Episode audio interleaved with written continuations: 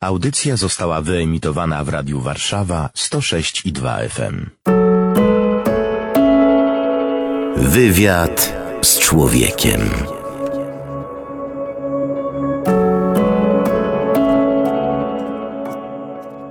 Paweł Kęska, witam Państwa. Historia to ludzkie życiorysy. Ta wielka i ważna historia często brutalnie wkręca ludzi w swoje tryby, a oni, jeśli są silni, walczą o swoje człowieczeństwo. I o tym właśnie opowie dziś pan Jerzy Pruszyński, jawożniak, czyli młodociany więzień polityczny z okresu stalinowskiego, który został osadzony w specjalnym więzieniu w Jaworznie. To był ośrodek reedukacyjny, czyli próbowano w 16-17-latkach zaszczepić akceptację, ba, może i miłość do socjalizmu. Nie udało się. Oto historia Jerzego Pruszyńskiego.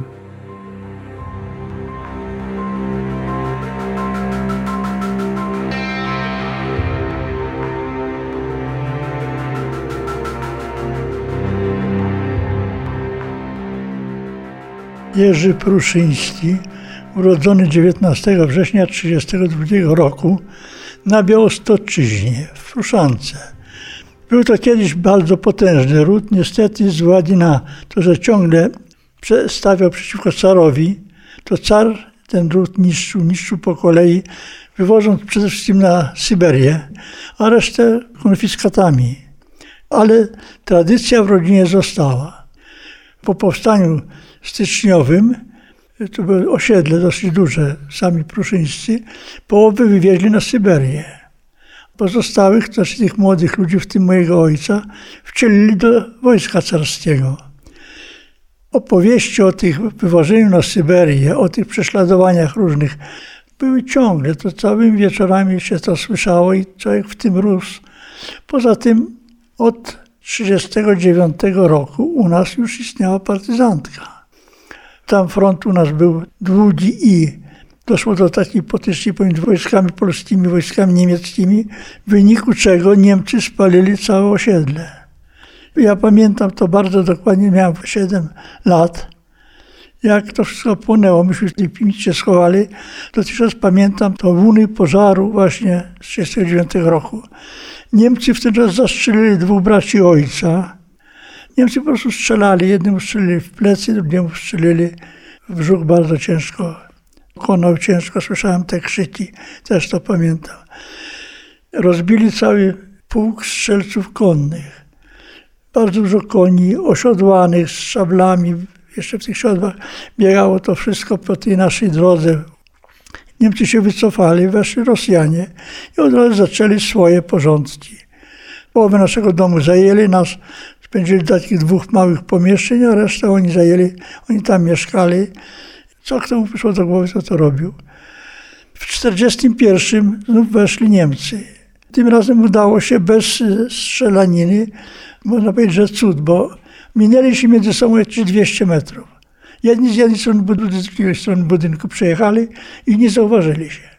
W 1944 roku front u nas stał przez dwa tygodnie ciągle strzelali, ale myśmy tak się już przyzwyczaili, że po nikt nie reagował. Ja tylko zapamiętam, słuchałem te świstych kul. Każdą kulę przelatującą karabinową słychać jak, jak świszcze. Niemcy wycofując się, znów wszystko popalili, co tam się dało, pozabierali. No ojciec wrócił, właśnie mój ojciec z tej Syberii. Ta nasza osada to była jedna wielka rodzina. I tam był taki zwyczaj, że zawsze, szczególnie wieczora, zimą jesienią, wieczorami spotykali się najczęściej, nie wiem dlaczego, w naszym domu. Przychodziło tych stryjów, wujów, pięciu, sześciu, nieraz i dziesięciu i tak zaczynały się opowieści o roku dwudziestym, o roku siedemnastym, o rewolucji, o, o Syberii, o wszystkim. I człowiek w tym rósł. Do tego jeszcze półtora kilometra od naszego domu e, mieszkał Huzar. Partyzant od 1939 roku był partyzantce, w 1953 roku złapany i zamordowany. Kazimierz Kamieński, Huzar. I on, on też do nas często przychodził Ja nie jakieś było dalsze pokrewieństwo, ja nie wiem jakie, ale w końcu razie do mojego ojca zwracał się wujo. I rosłem w takiej właśnie atmosferze, w atmosferze partyzantów, opowieści o wojnie, opowieści o Syberii, a jeszcze przy okazji zawsze był dostęp do broni. Umiał zupełnie dobrze posługiwać się bronią, tą, która była wówczas dostępna.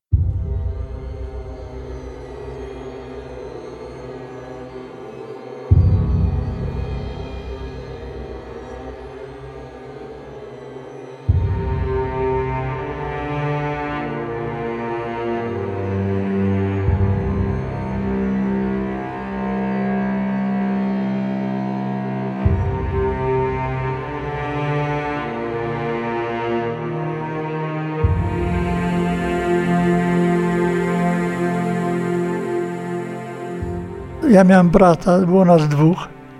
To ojciec mój tak dla dwóch ciasno, tradycyjnie mój jeden pójdzie w świat. Patrzyli, który się lepiej uczy. No ja trochę bym lepszy. Udałem się do Białego Stoku, do liceum. Na dzień przed rozpoczęciem roku szkolnego dostałem pismo nieprzyjęty z powodu braku miejsc. Kurator tak popatrzył na mnie, ty mówi, jesteś z Pruszanki, tak. Od tego mój bandyty huzara. I co myślisz, że my cię do szkoły weźmiemy? Będziemy jeszcze jednego bandytę uczyli? Wsiadłem w pociąg i pojechałem do Warszawy. I proszę sobie wyobrazić chłopca 16 lat, który w życiu nie był w Warszawie nigdy, ale gdzieś tam wyczytałem w prasie, że na Solcu przy kościele będzie, to się nazywało wówczas bursa. Wysłali mnie księża do Ministerstwa Oświaty. No i ja poszedłem na szucha, wielki budynek, a pierwsze drzwi, pukam w te drzwi, nic. Pukam jeszcze raz, nic. No i drzwi się uchyliły, jakiś pan wyjrzał. Czego ty szukasz? Bo mnie tu przysłali z kościoła, żeby dowiedzieć się jakiej szkoły. Patrzy na mnie, patrzy i mówi, a ty może się nazywasz Pruszyński? Ja mówię, tak. A twój ojciec Stefan? Tak, no to chodź. Pyta się, tak, jadłeś śniadanie? Nie jadłem. I nakarmił mnie, dał mi jakiś papierek, żebym poszedł do szkoły na Czerniakowską. Podziękowałem. Dotychczas nie bardzo wiem, kto to był. No ale w każdym razie do szkoły mnie od razu przyjęli. No i tak to szło. Ale cały czas w szkole również rozmawiało się na tematy przeszłości trochę. No to zacząłem mówić, że byli u nas partyzanci cały czas, byli tacy i inni, to z bronią mi się, tak powiem, obchodzić. Jeszcze było takie zdarzenie, że w szkole były przeważnie kobiety nauczycielki. Były. I któryś z nich, tych naszych takich dowcipnisiów, który uczyć się nie bardzo chciał, przyniósł granat. Położył go na biurku i do tej nauczycielki albo mi pani postawi dobrą ocenę, albo nie. Ale ja byłem rozeznany, wziąłem granat, wyciągnąłem tylko zapalnik, wyrzuciłem przez okno. No, uchodziłem za tego, co się zna na broni. No z tego któregoś dnia mi zaproponował jeden z kolegów wstąpienie do nielegalnej organizacji. I tak powstała organizacja, którą nazwaliśmy Orlenta Warszawy. Obejmowała dwie szkoły, szkoła na Czerniakowskiej i szkoła na Myśliwieckiej. Tworzyliśmy tak zwany system piątkowy, czyli pięciu ludzi tworzyło grupę. Każdy z tej piątki, poza pierwszym, znów tworzył piątkę. Myśmy sobie postawili dwa cele. Umiejętność posługiwania się bronią i szerzenie propagandy. Dla przykładu, na 1 maja dwa miesiące zbierali po mieście spalone żarówki. Napełnialiśmy atramentem i chodziliśmy po mieście i te, na te portrety najważniejsze to było trafić w oko. Ja, chłopak ze wsi, nauczony rzucania kamieniami, też można powiedzieć, że byłem przodownikiem w tym. Druga rzecz to, że napisy na murach. Szło trzech, jeden miał kociołek z farbą, drugi pędzel, a trzeci z automatem stał na obstawie po drugiej stronie ulicy. Przed komuną, przed Zrakasowskim, Zrywaliśmy flagi czerwone i ćwiczyliśmy, ćwiczyliśmy. Myśmy mieli, każdy musiał umieć dać rady z bronią w każdej chwili. Cel w tym czasie przecież była wojna w Korei. W społeczeństwie polskim było przekonanie, że ta wojna się rozszerzy. Na pewno obejmie i nasz kraj.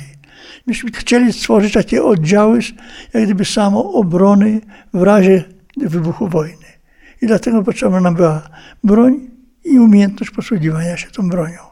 Warunkiem to było to, że złożyć przysięgę, inaczej nie był przyjęty. Szef tej danej grupy czytał, a ten, który złożył przysięgę, powtarzał. W obecności pozostałej czwórki. Człowiek już jak gdyby przechodził na drugą stronę. Był tym jednym z.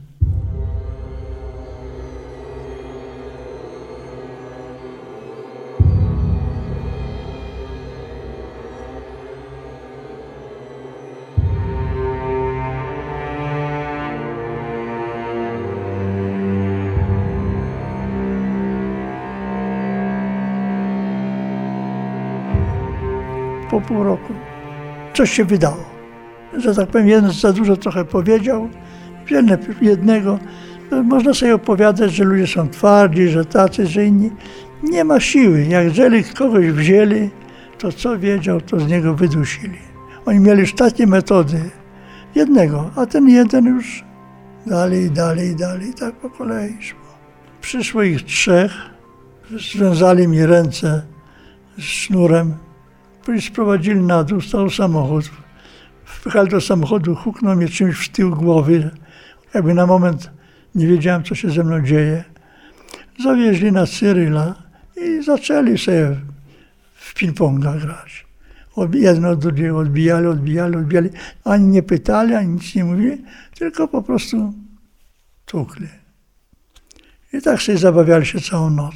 Stało trzech, Jeden huknął z przodu, to człowiek powiedział, tu to tamten w tą stronę i tak po kolei. Na końcu jak już upadł, to trochę pokopali i poszli, polali trochę wodą.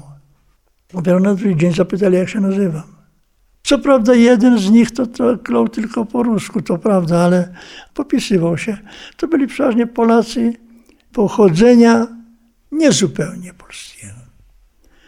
Zaczynali od, od życiorysu zawsze przesłuchanie. Później jak już rozmawiali, bo mówię, pierwszą noc nie rozmawiali w ogóle. A no, później to było przesłuchanie, zawsze zaczynał od, od życiorysu i trzeba było cały życiorys. Wystarczyło jedno zdanie powiedzieć inne, on patrzył tamte, już się to zaczynał, a dlaczego tak, a nie inaczej. Przed tym inaczej powiedziałeś. Ktoś powiedział jedno zdanie, czy jedno słowo inne, któryś z tych moich, że tak powiem, współtowarzyszy niedoli, no to już łapali wszystkich. I każdego o to zaczynali pytać. I tak ten jeden po jedno słowo, ten jedno słowo i, i w ten sposób wyciągnęli wszystko. Po takim generalnym biciu mnie tam uderzył mocno w tył głowy, to ja zacząłem wymiotować. I byłem taki trochę nie, nie, nie bardzo czysty. Jak mnie ściągnęli do celi na dół, do piwnicy, to tam ci, co siedzieli, urwali mi rękaw od koszuli mojej własnej i tym rękawem mnie trochę z krwi, z tych nieczystości obmyli i miałem taką koszulę z jednym rękawem tylko, także wyróżniałem się tym i nazwali mnie tako jedno, jednorękaw. Było tam kilku panów starszych, ja byłem najmłodszy, naturalnie starszych ode mnie. Był taki pan Okuń z dwójki Akosti, pan Zajączkowski z batalionu chłopskich, kilka nazwisk mógł wymienić. Był jeszcze pan który był sekretarzem u Kości Biernackiego. Potężny, mocno zbudowany, przyszedł z takim dosyć pokaźnym brzuchem. Po dwóch miesiącach z brzucha został tylko ślad. Leczyli mi lekarze tyle lat, czego im nie dawali, mówi. A teraz mówi, ja się świetnie czuję, mówi, na tym kawałku chleba i na, i na tym głodzie. Była głodówka tam w celi, rozmawiać nie wolno było ale jak zabronią? Oni do mnie mawiali często w ten sposób. Mówi, słuchaj, jesteś mój z nas najmłodszy. Masz największe szanse wyjścia na wolność. Oni nie wierzyli, że ja dostanę wyrok większy. Mówili, chłopie, cię to za trzy dni mi dadzą ci jeszcze za dwa razy lanie i wypuszczą. W nich było przekonanie, że ten system, ten ustrój padnie. To byli ludzie wykształceni Opowiadali o różnych przykładach z historii starożytnej, nowożytnej, z innych. Każdy system kiedyś musi się załamać. Pójdziesz na ulicę, to pamiętaj, powiedz o nas. Powiedz o nas, pamiętaj, że myśmy walczyli o tą Polskę, żeby ona była sprawiedliwa, żebyście wy się mogli uczyć w niej żyć jak Polacy i jak ludzie wolni. Co było najgorsze w czasie śledztwa? Noce. Przesłuchania były przeważnie w nocy. W dzień spać nie dawali. W celi można było tylko siedzieć, chodzić i nie rozmawiać.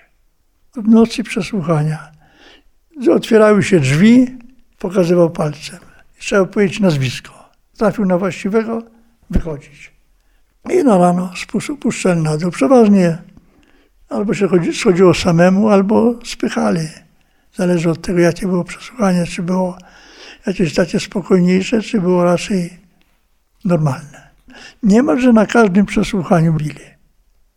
Ten przesłuchujący siedział przy biurku, człowiek stał przy drzwiach i jak coś nie pasowało, to tam ktoś miał jakiś przycisk, wpadał taki w marynarskiej koszuli, taki bysio i wchodząc od razu zaczynał układać. No i co? Dalej się upierasz?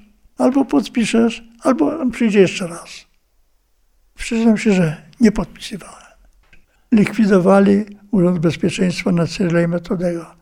To oni to trochę przyspieszyło i nas przewieźli w ten czas na 11 listopada i tam już to śledztwo zakończyli. To wezwał mnie prokurator na górę, który tak mówił pół na pół, pół po polsku, pół rosyjsku. Powiedział, że śledztwo skończone, teraz będzie sąd. No i zawieźli nas na Koszykową do rejonowego sądu wojskowego. I później na salę prowadzili do góry. Naturalnie wojsko z e, karabinami i z kuci. Z kuci. A jeszcze do tego na rozprawę wpuścili rodzinę. Rodzinę, zobaczyli nas z tymi kajdankami wszystkich pokutych, to się zaczął wielki płacz. Matki zaczęły płakać, to tamte wojskowi krzyczeli, że spokój, bo wszystkich wy, wyprosimy. Moja mama była z siostrą. Prokurator swoje powiedział, obrońcy swoje powiedzieli. Wstać, sąd wchodzi, sąd wszedł, ogłosił wyrok i wyszedł. Po 10 lat dla trzech, reszta mniejsze wyroki. 23 grudzień, jak żeśmy usłyszeli te wyroki.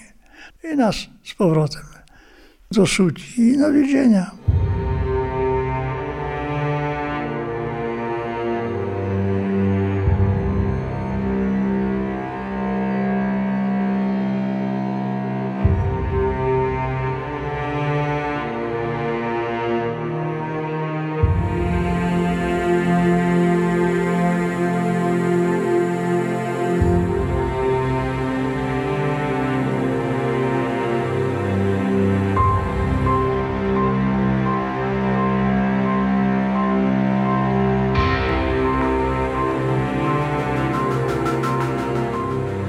Ale to jeszcze nie, nie koniec był, bo po pół roku wznowili mi śledztwo.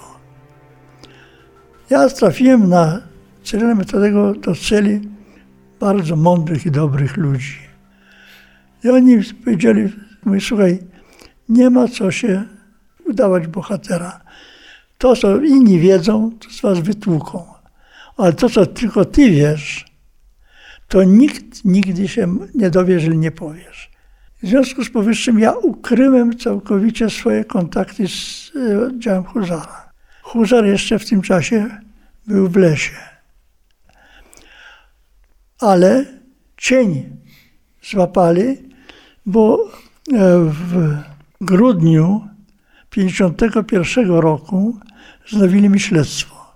I to było na 11 listopada i nie wiem dlaczego, ale zaczął ten śledczy od tego, że mnie wrzucił do karca. Przesiedziałem dwa dni. To był karzec mokry. To polegało na tym, że tam było nalane trochę wody. Jak ludzie siedzieli, nikt, nikt nie, nie wymieniał. Załatwiali się. To, to było po prostu zrobiło się z tego takie bajoro. Ja po tych dwóch dniach już tam upadłem. Koniec grudnia, styczeń, mróz, nie było szyby, Było takie mało cienko na górze, nie było szyby. I nad drzwiami tylko była żarówka. Ja sobie wpadłem na pomysł, żeby jakoś do tej żarówki podskoczyć, ją złapać, mieć kawałek szkła. Jak sobie skoczyłem, to kolanami niechcący uderzyłem w te drzwi. Lekko drzwi się uchyliły, klawisz, bo takich nazywali, chlusnął na mnie kubem zimnej wody. I ta woda na mnie tak zamarzyła. Słuchaj, siedziało się nago naturalnie. W karcu tylko nago. Musiałem zrywać ten lód. A to szkło, co mnie uratowało w tym karcu? W sąsiednim celi mój kolega siedział. W końcu tego okna znalazł kawałeczek szyby. I tą szybą sobie podciął żyły. Jego wywieźli, a i o mnie sobie przypomnieli. I mnie w ten czas zasadzie wyciągnęli. Szło było do tych celów. Końcu nie, nie wytrzymałem. Tam, tam upadłem, oni mnie wyciągnęli tak jak się wyciąga worek z... i dali do innej celi. Ja to naturalnie od razu zapalenie płuc. Zaparłem się i skończyło się na tym. Dotychczas zwapnienia w płucach pogruźlicze. Po jakimś czasie zapakowali nas do pociągu, pociąg więźniarka. To polegało na tym, że cały wagon był podzielony na takie malutkie celki, środkiem korytarz i w tej celki po czterech nas tam wcisnęli, no i ruszyliśmy w świat. Było reniutko, tak, czwarta godzina, trzecia, czwarta. Wyładowali, taka mgła jeszcze ustawili czwórkami strażnicy z psami, z e, karabinami maszynowymi i zaczęli prowadzić marsz. Jakieś pierwsze, no ja wiem, 20 minut to szedłem normalnie, a później już nie miałem siły to ci, co byli obok, wzięli mnie pod pachę. Pamiętam tylko, obudziłem się, staliśmy między takimi dwoma olbrzymimi bramami. Wyszło trzech takich w mundurach wojskowych, butach z cholewami. Jeden trzymał jakąś taką szpicrutę w ręku i w pewnym miejscu przemówił. Słuchajcie, bandyci, jeżeli tylko ktoś podpadnie, to stąd wychodzi się tylko nogami do przodu.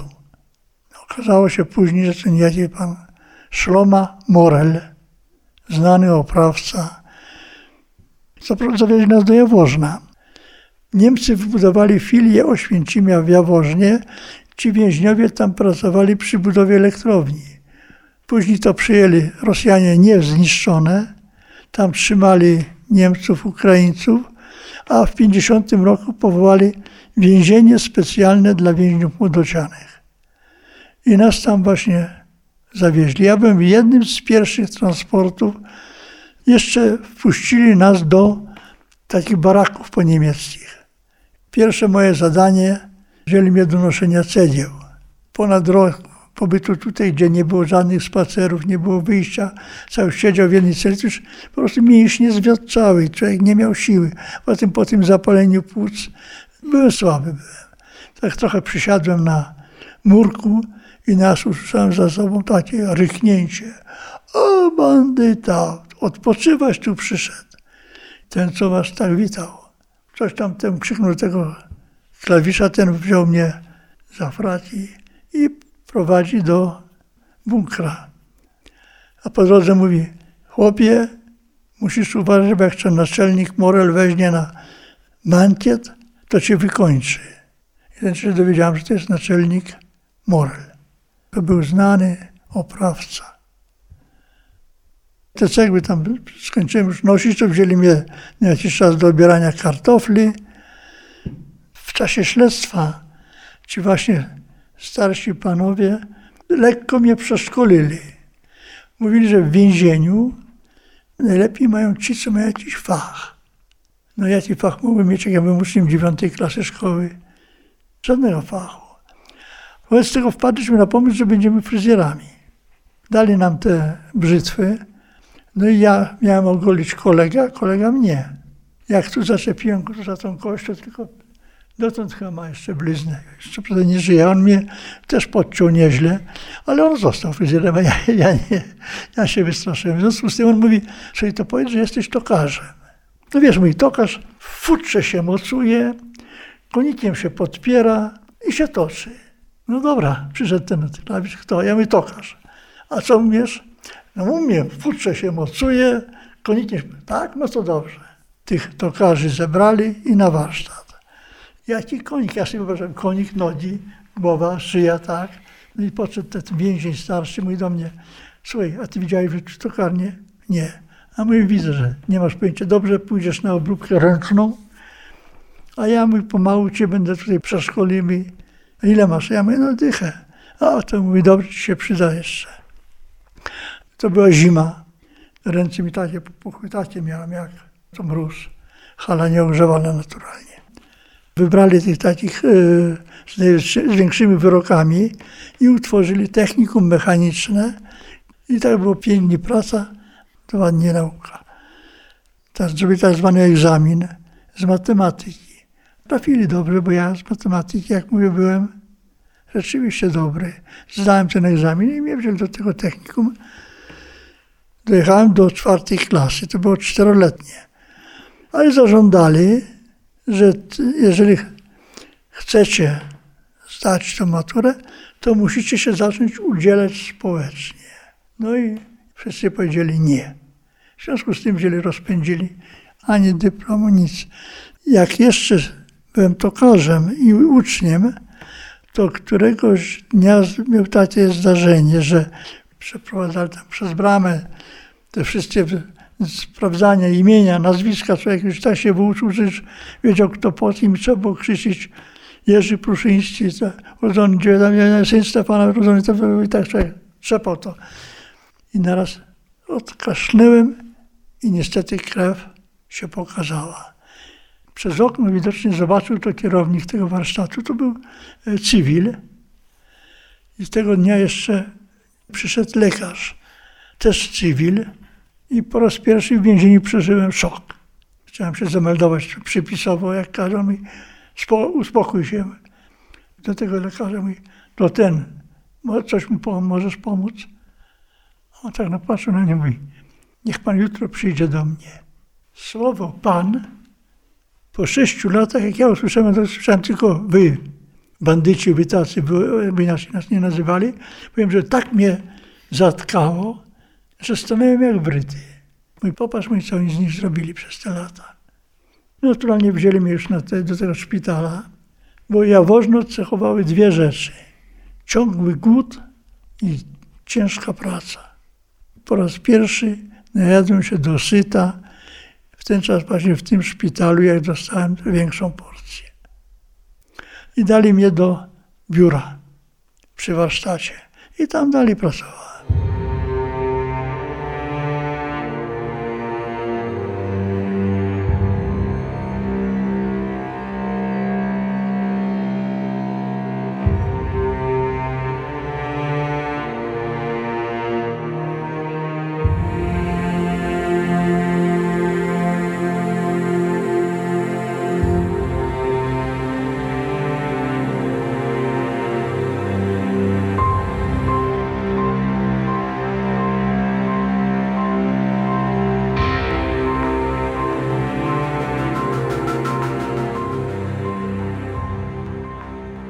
I zdarzyła się druga rzecz, która nie bardzo mogę zrozumieć w Jaworznie. Mianowicie rozeszła się wiadomość, że tworzą szkołę ogólnokształcącą.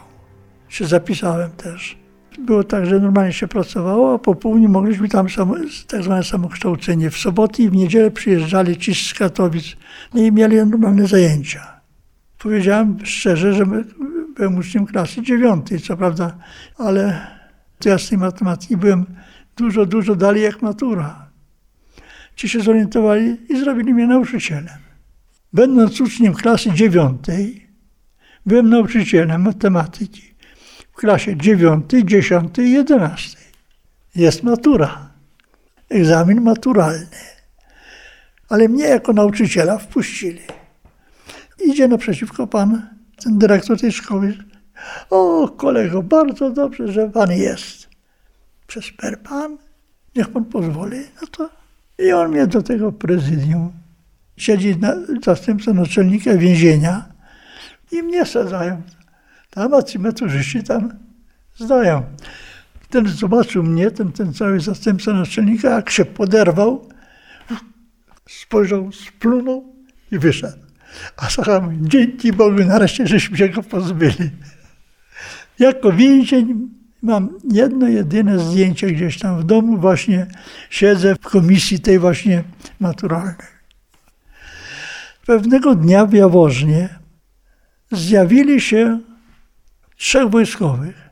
Zrobili tak zwaną przerzutkę. Tam przerzutki były bardzo często. To jest przerzucali z celi do celi, żeby, żeby więźniowie się z sobą nie mogli porozumieć.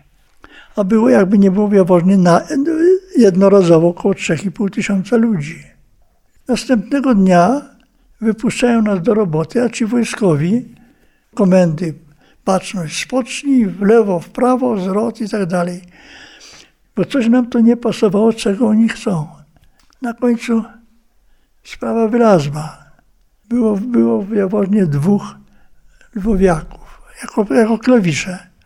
Tereny, na których by ich rodziny gdzieś tam były, włączone do Rosji. Dali im propozycję, że dostaną mieszkanie i dostaną pracę tutaj w tym więzieniu, jeżeli się zgodzą. I nie było wyjścia. Wyróżniali się tym, jak nie musieli z tym więźniom nic nie zrobili. I jeden z nich nie wytrzymał i powiedział, słuchajcie, oni was szykują na wojnę do Korei. No to myśmy co? Postanowili się zorganizować. Pojedynczo to nikt nic nie zrobi. Ale jeżeli będzie potrzeba i wystąpimy razem, to najwyżej połowę zastrzelą, ale jeszcze ktoś uratuje. W związku z tym powołaliśmy organizację w Jaworznie. I ta organizacja się rozrastała bardzo szybko tam. Co prawda ci wojskowi po jakimś czasie, ale organizacja została. I ta organizacja właśnie działała dalej. Jak mówię o tej szkole, to właśnie organizacja postanowiła, że wszyscy w miarę możliwości uczmy się. Bo ja pamiętałem jeszcze właśnie tu w czasie śledztwa, w tym, na tej cyryle metodego, jak ci starsi ludzie mi mówili, czy ty widziałeś, żeby ksiądz się kłaniał, mówi ludziom? Ja no nie widziałem, wszyscy kłaniają się księdzu. A widziałeś, żeby le lekarz się kłaniał pacjentom? Też nie widziałem. Obojętnie, czy to będzie socjalist, czy niesocjalist, czy jak inny, człowiek wykształcony zawsze będzie bardziej szanowany i jemu się będą kłaniali, a nie on. Tym argumentem tych ludzi namawiałem do szkoły. I ta organizacja niemalże w 100% zapisała się do tej szkoły ogólnokształcącej, która tam była. Nie wydało się nigdy. Ci funkcjonariusze czuli to, że coś jest. Byli przekonani, że coś jest. Próbowali różnymi metodami. Wywozili, przenosili, namawiali i nigdy nie doszli do tego. Ta organizacja w dalszym ciągu rosła. Ja dla przykładu byłem w pierwszej trójce, przepraszam, przyznaję się bez, bez bicia, ale byłem chyba z pięć razy zwerbowany później. Nie mogłem powiedzieć, daj mi święty spokój, bo ja już jestem. Nie mogę powiedzieć nie, ale był wielki plus tego. Dlatego, że jeżeli dzisiaj coś się postanowiło i puszczało się jakąś informację, to ja za dwa, trzy dni dowiadywałem się, w jaki sposób ona dociera tam na sam koniec.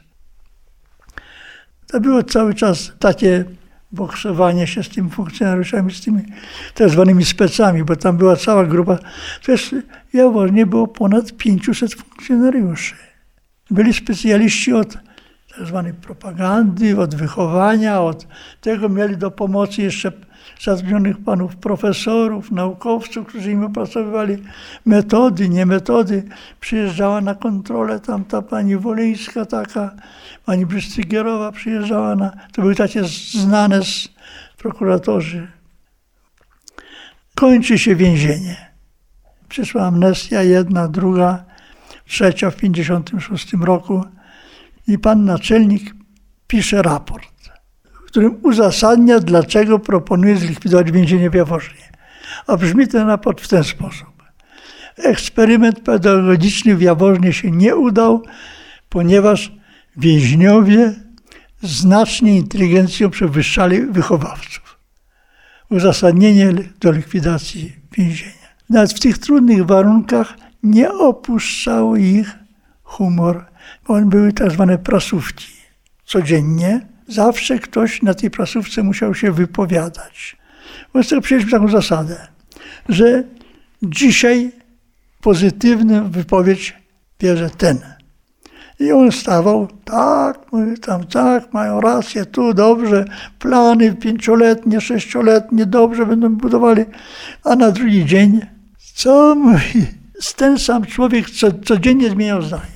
Oni usiłowali, usiłowali tych ludzi, tych młodych ludzi przekształcić, jakichś takich no, oddanych sprawie, jak oni mówili, socjalizmu.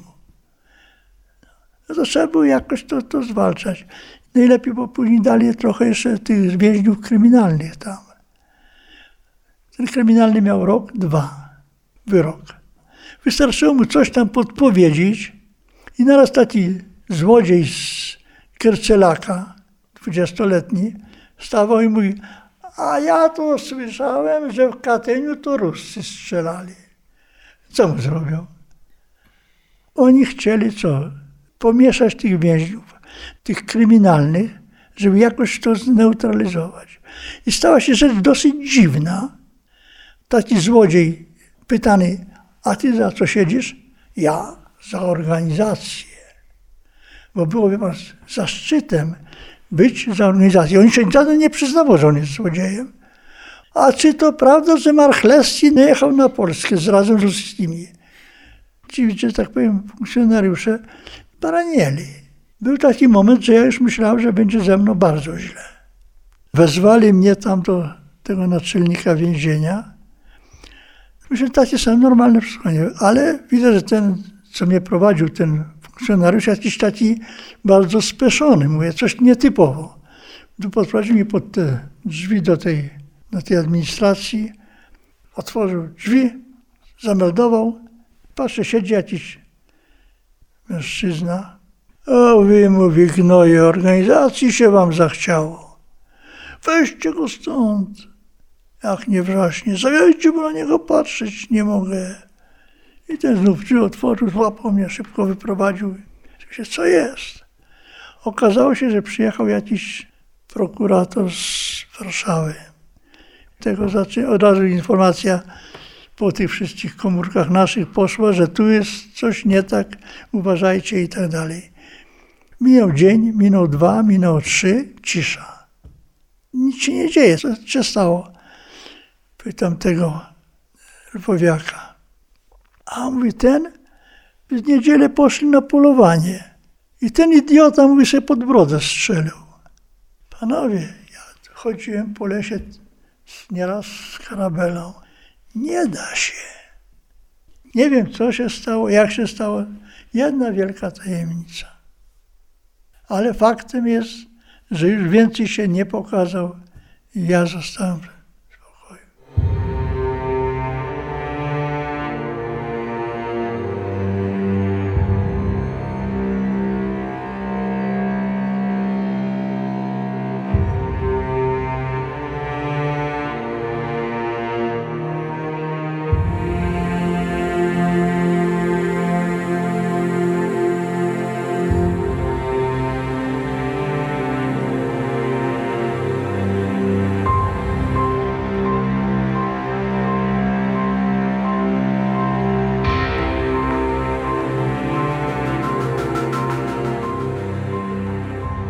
Wychodziłem długo. 30 kwietnia. Tam w Jaworznie, jak ktoś wychodził na wolność, to go wyczytywali przez ten głośnik. Wyczytywali, że ten i ten jutro idą na wolność i była jakaś melodia, jeszcze nie pamiętam tej melodii, ale ulubiona melodia przez wszystkich więźniów. Jak ktoś usłyszeli, to wiadomo, że idą na wolność. I mnie 30 kwietnia wyczytali. Biegiem do tego magazynu, pod mój worek, koszulę z jednym rękawem naturalnie też i czekam. Cisza. No i 1 ma maja cisza.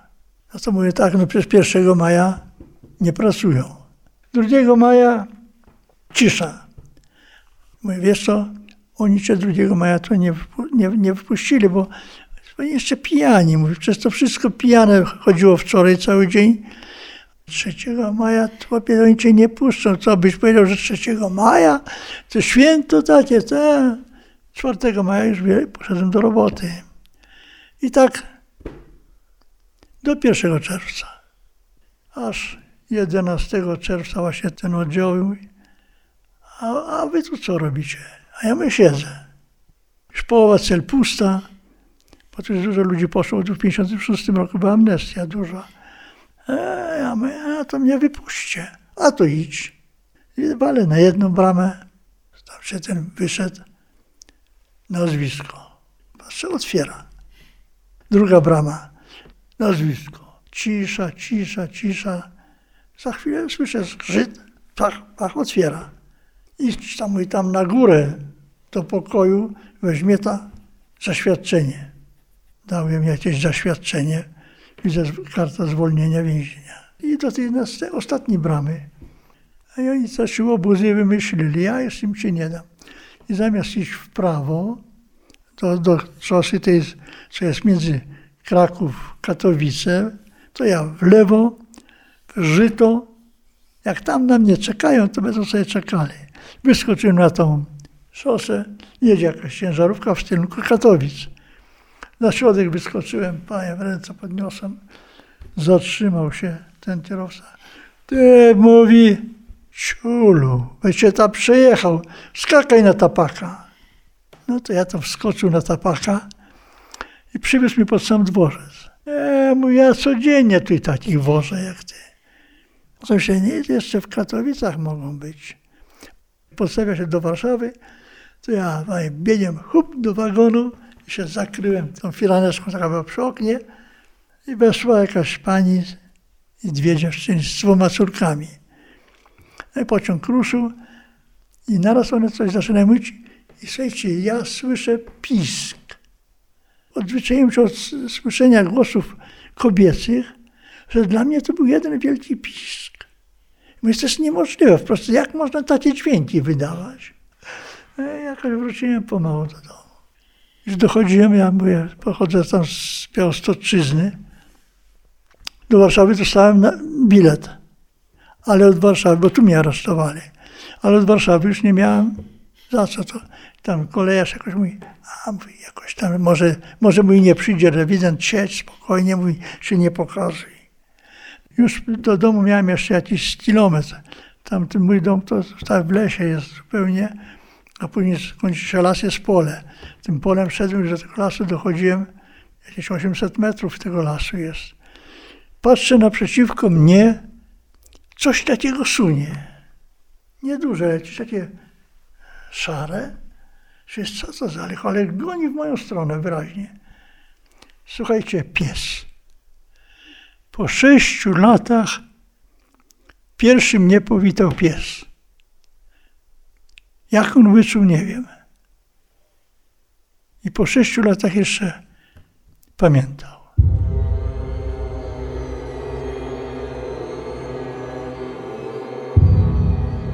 Ja mam taki apel, apel do wszystkich Polaków, żeby nie nazywać żołnierzy podziemia niepodległościowego, żołnierzy niezłomnych, żołnierzami wyklętymi. Słowo wyklęty jest w języku polskim znane od wielu pokoleń. Ono zawsze znaczyło, znaczy i znaczyć będzie ktoś wyzuty ze wszystkiego, skardzony, wyklinał Kościół różnego rodzaju wiarołomców, narody wyklinały zdrajców, a kto tych żołnierzy wyklął? Bo jeżeli dzisiaj ludzie wołają cześć i chwała bohaterom, to jak można tych ludzi, których traktujemy jako bohaterów, nazwać wyklętymi? Ja uważam za swój obowiązek mówić o tym głośno, bo przyrzekłem tym moim towarzyszom, którzy byli ze mną razem w celach komunistycznych więzień, że będę się o nich upominał, bo oni nigdy nie czuli się wyklętymi.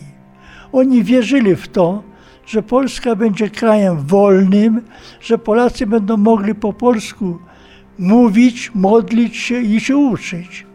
Oni o taką Polskę cały czas walczyli. Czy za to można ich teraz nazwać żołnierzami wyklętymi? Kto miał prawo? Bardzo proszę o powielenie tego mojego apelu.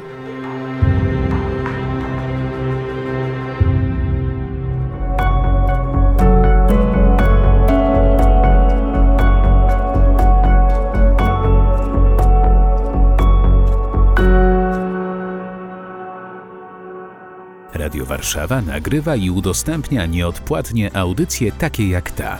Dzięki wsparciu finansowemu słuchaczy i przyjaciół. Wejdź na www.radiowarszawa.com.pl i wpłać darowiznę. Wzmocnij nasze dobre fale. Dziękujemy.